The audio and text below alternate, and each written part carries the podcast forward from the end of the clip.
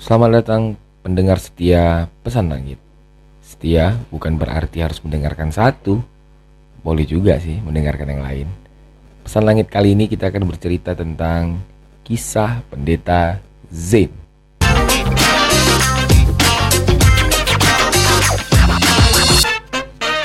Pendeta Zain ini adalah seorang pemuka agama yang terkenal akan kearifan dan kebijakan kebijaksanaannya.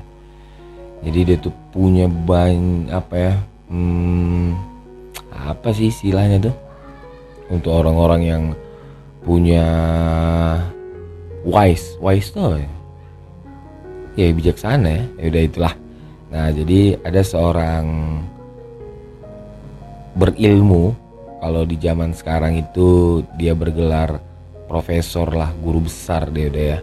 Jadi dia punya masalah hidup yang gak bisa diselesaikan ya.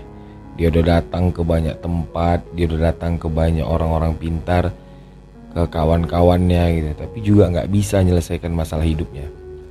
Satu ketika dia mendengar kabar bahwa di sebuah daerah perbukitan di atas bukit itu tinggal seorang pendeta yang dikenal dengan nama pendeta Zen yang terkenal akan kebijaksanaannya yang banyak masalah orang bisa diselesaikannya gitu. Jadi penasaran si profesor pun berangkatlah menuju ke kediaman pendeta Zen untuk meminta nasihat nih sebenarnya. Sampai di rumah pendeta Zen, profesor ya, ya biasa panggil ya dia panggil uh, dia mengucapkan salam. Halo benarkah ini tempat pendeta Zain? Saya mau bertemu dengan pendeta Zain yang mana orangnya. Saya mau minta nasihat nih gitu, gitu dia. Nah, disambut dia sama pendeta oke silakan masuk gitu. Ya ada apa? Saya ini sudah banyak berkeliling saya sudah banyak bertanya sama semua orang kata si profesor. Tapi tak ada satupun yang dapat membantu saya menyelesaikan masalah hidup saya ini. Saya dengar anda adalah orang yang bisa menyelesaikan berbagai macam persoalan hidup. Tolong bantu saya selesaikan masalah saya ini. Jadi itu begini. Oh, tunggu dulu, kata si pendeta. Santai, tidak usah terburu-buru. Pendeta langsung masuk ke belakang rumah. Dia pergi ke dapur. Dia uh, sediakan minum lah. Bawanya pakai nampan. Nampan tahu kan? Itu yang tempat ngangkat-ngangkat air itu apa namanya? Nampan kan? Oke, di atas nampan tuh ada dua gelas cangkir yang sudah berisi air. Ya posisinya standar lah udah penuh gitu. Maksudnya ya, ya bagaimana pada umumnya gelas yang sudah berisi yang tinggal diminum gitu. Jadi ada dua gelas yang sudah berisi air terus ada tekonya juga. Nah disuguhkanlah dibawa sama pendeta Zen disuguhkan ke profesor. Pan profesor terus uh, tidak langsung dipersilahkan minum oleh pendeta. Gelas yang sudah berisi air tadi sama pendeta dituangkan lagi dengan air yang ada di teko. Jadi dituangkan lagi. Apa yang terjadi kalau seandainya gelas yang sudah berisi air diisi lagi oleh air? Ya, tumpah, meluber. Nah, begitulah yang terjadi saat itu. Jadi waktu meluber tuh si profesor heran deh. Oh, ini kok diisi ya dalam hatinya sih. Terus dia bilang, "Pendeta, itu udah penuh loh. Ngapain diisi lagi? Itu kan tumpah airnya." Si pendeta terus saja ngisi. Pendeta itu udah penuh. Ja, apa tumpah dia udah stop. Gitu. isi aja. Pendeta nggak bisa lagi lah itu diisi itu udah penuh. Stop pendetanya lalu pendetanya bilang gini begitu pula denganmu.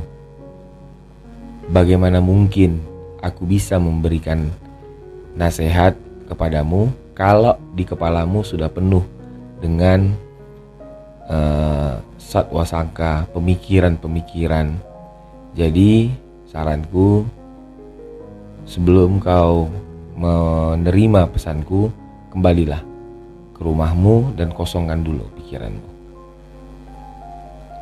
Dan dan si profesor pun akhirnya pulang. Itu pengantarnya yang mau kita ceritakan. Jadi kan kadang kita tuh banyak ya punya kawan atau mungkin kita sendiri gitu.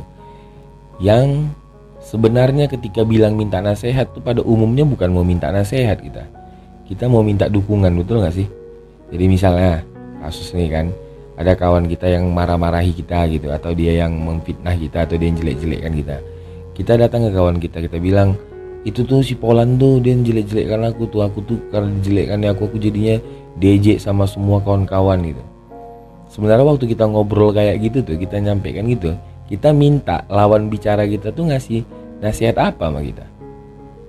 Coba tiba-tiba dia bilang ya udah nggak apa-apa sabar maafkan. Mayoritas orang nerima nggak sih dikasih nasihat begitu gitu? Ya kan enggak kan? Kalau misalnya dia putus pacarnya ini aku nih apa punya pacar dan pacarku terakhirnya selingkuh. Terus kawan kita teman kita cerita tuh bilang ya udah nggak apa-apa lah maafkan aja gitu. Terima nggak gitu mayoritas orang ya kira-kira dari 100 orang ada berapa orang sih yang nerima nasihat? Ya udah maafkan saja sabar tuh ada berapa orang sih? Ya sedikit kan. Mungkin kita juga termasuk yang tidak menerima itu. Tapi seumpama nih jawaban dia gini. Ini aku punya pacar nih terakhir selingkuh nih. Is memang kurang ajar dia tuh ya. Ya udah dia tuh memang harus dibalas tuh gitu. senang nggak kita dengar nasihat yang begitu gitu? ya mungkin dengan dengan model-model yang lain. Prinsipnya tuh begini yang mau kita sampaikan kadang kita minta nasihat tuh kita bukan benar-benar minta nasihat tapi kita sebenarnya minta dukungan gitu jadi kita cari orang-orang yang memang bisa mendukung apa yang ada di dalam kepala kita ini. Kalau kita disakiti, kita mau nasihat orang tuh bentuknya balas balik gitu. Itu sebabnya ketika dia jawabnya ya udah sabar, maafkan, nggak mau. Maksudnya gampang kali kok ngomong kayak gitu. Ini kan karena bukan kau, coba kau yang kena. Kan gitu-gitu gitu kan. Ya jadi ya oleh sebab itu sebenarnya mari kita sama-sama betul-betul pahami tujuan kita ini mau ngapain waktu meminta nasihat itu gitu kan. Nah, agar kita bisa menerima semua nasihat, oleh sebab itu ketika kita datang ke mana pun, langkah awal tuh memang kita harus bersihkan dulu kepala kita harus kita kosongkan dulu gitu. Jadi kalau dia udah kosong baru bisa masuk pesan-pesan itu. Kadang banyak pesan-pesan orang yang kita rasa nggak cocok sama kita gitu, nggak masuk akal. Datanglah seorang yang membuka usaha. Oh, kalau mau buka usaha tuh yang harus dilakukan tuh pastikan dirimu itu jujur gitu. Kadang banyak orang yang nggak nerima kan. Jadi dia dia tuh lebih milih nasihatnya tuh yang peng yang kayak dia inginkan sebenarnya gitu. Atau dalam bahasa lain ketika kita bertanya itu pada umumnya kita udah tahu kok sebenarnya jawaban kita apa gitu. Apa ya jawaban dari pertanyaan kita itu. Jadi kita tinggal minta dukungan-dukungan orang aja gitu. Ya kan nah kira-kira kalau seandainya posisi kita begitu bagus atau tidak? Bisa memperbaiki diri kita lebih baik atau tidak? Yang gitu-gitu sih pendekatannya. Nah tentu ada istilah what we know we know itu. Kita tahu apa yang kita tahu. Ada juga dia yang what we know we don't know. Kita tahu kalau kita nggak tahu tuh. Kita sadar kalau kita bodoh gitu kan. Tapi yang paling besar dari pernyataan itu ada yang ketiga gitu yang memang kita tuh maksudnya yang paling paling banyak apa kita kita tuh what we don't know we don't know gitu. Kita nggak tahu kalau kita nggak tahu itu itu banyak banget yang ada di dunia ini gitu. jadi di dunia ini yang kita tahu kalau kita tahu itu mungkin kayak satu tambah satu sama dengan dua itu kan kita tahu tuh kalau kita tahu. Terus kita sama-sama tahu kalau beras itu eh kalau nasi itu dari beras kan itu sama-sama tahu. Nah untuk yang kita tahu kalau kita tahu tuh skornya sebenarnya kecil gitu loh kalau yang kita tahu kalau kita nggak tahu itu kita tuh sadar kalau nggak ngerti itu misalnya uh, tahu nggak kayak mana caranya uranium tuh diolah itu? Nggak tahu. Nah kita tuh sadar kalau kita nggak tahu. Nah hal-hal yang kayak gini jauh lebih besar lagi dibandingkan dari yang kita tahu tadi nah yang paling besar lagi apa? Kita tuh nggak kita tuh sadar kita tuh nggak tahu. Bukan sadar kita tuh nggak tahu kalau nggak tahu kita tuh nggak pernah terpikir akan sebuah hal gitu yang tiba-tiba orang ke bulan lah yang apa itu kan kita nggak ih di di apa namanya di luar angkasa sana masih banyak planet. Sebelum kita membaca itu kan kita memang nggak tahu tuh kan bahwa ada loh rupanya yang begitu gitu. Nah yang yang begitu tuh luas ini mungkin agak sulit memang memahami ya tapi kira penting bahwa kita tuh nggak tahu kalau kita tahu tuh jauh lebih banyak. Nah karena kita banyak hal yang tidak kita ketahui itu sebabnya ketika ngobrol dengan orang siapa pun itu apa pun apa pun suku ras dan agamanya berapapun usianya apa pun pendidikannya yang harus kita lakukan pertama itu memang kosongkan dulu kepala. Agar kita bisa menerima masuk banyak informasi-informasi baru gitu. Banyak yang kita nggak tahu. Apalagi nih yang lagi hot sekarang tentang corona. Itu corona itu kita betul-betul banyak yang nggak tahu loh dia dia ini buatan atau tidak yang membuatnya siapa tujuannya apa vaksinnya bagaimana dan terusnya nah hal-hal yang kayak itu tuh banyak banget kita nggak tahu itu. Nah jadi biar oleh sebab itu yang harus kita lakukan ketika ngobrol dengan orang kosongkan aja dulu kepala. Kosongkan dulu kepala. Terima saja kan? Terima saja karena semua orang pasti punya ilmu yang kita benar-benar tidak mengetahuinya. Nah hal itulah nanti yang membuat kita akan semakin wise semakin bijaksana. Jadi ketika ada perbedaan di antara kita, harapannya setelah mendengarkan podcast ini, jadi ketika ada perbedaan kita dengan yang lain, ini kalau kita contohkan Islam mungkin dari cara takbir ada yang tangannya diangkat, ada yang enggak gitu kan. Ya kita ngerti bahwa ilmu itu luas. Ilmu itu luas.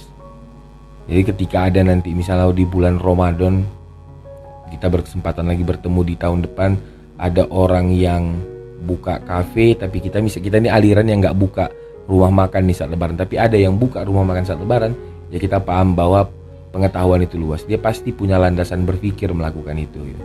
jadi kita nggak yang langsung frontal marah-marah gitu. Gitulah. Dan dan seterusnya. Nanti kita apa ya bisa lah ngobrol-ngobrol lebih jauh. Tapi untuk pengantar di awal ini dari kisah pendeta Zen mari sama-sama kita kosongkan kepala ketika ngobrol dengan orang lain bahwa sadarilah ilmu itu sangat luas. Ilmu itu sangat luas berlapis-lapis. Yang kita ketahui sekarang itu banyak lagi kalau yang nggak kita ketahui. Itu sama kayak anak SMP yang dia rasa dia udah tahu semua tentang matematika ternyata masih ada lagi lapisannya ketika SMA masih ada lagi lapisannya ketika mereka kuliah. Masih ada lagi lapisannya ketika mereka bekerja. Dan seterusnya dan seterusnya. Nggak akan pernah habis. Belajar tuh di mana saja. Oleh sebab itu ada sebuah peribahasa yang mengatakan bahwa setiap detik itu adalah jam belajar setiap tempat itu adalah sekolah dan setiap makhluk itu adalah guru. Demikian pesan langit kali ini, semoga bermanfaat. Salam garis lucu untuk kita semua. Dah.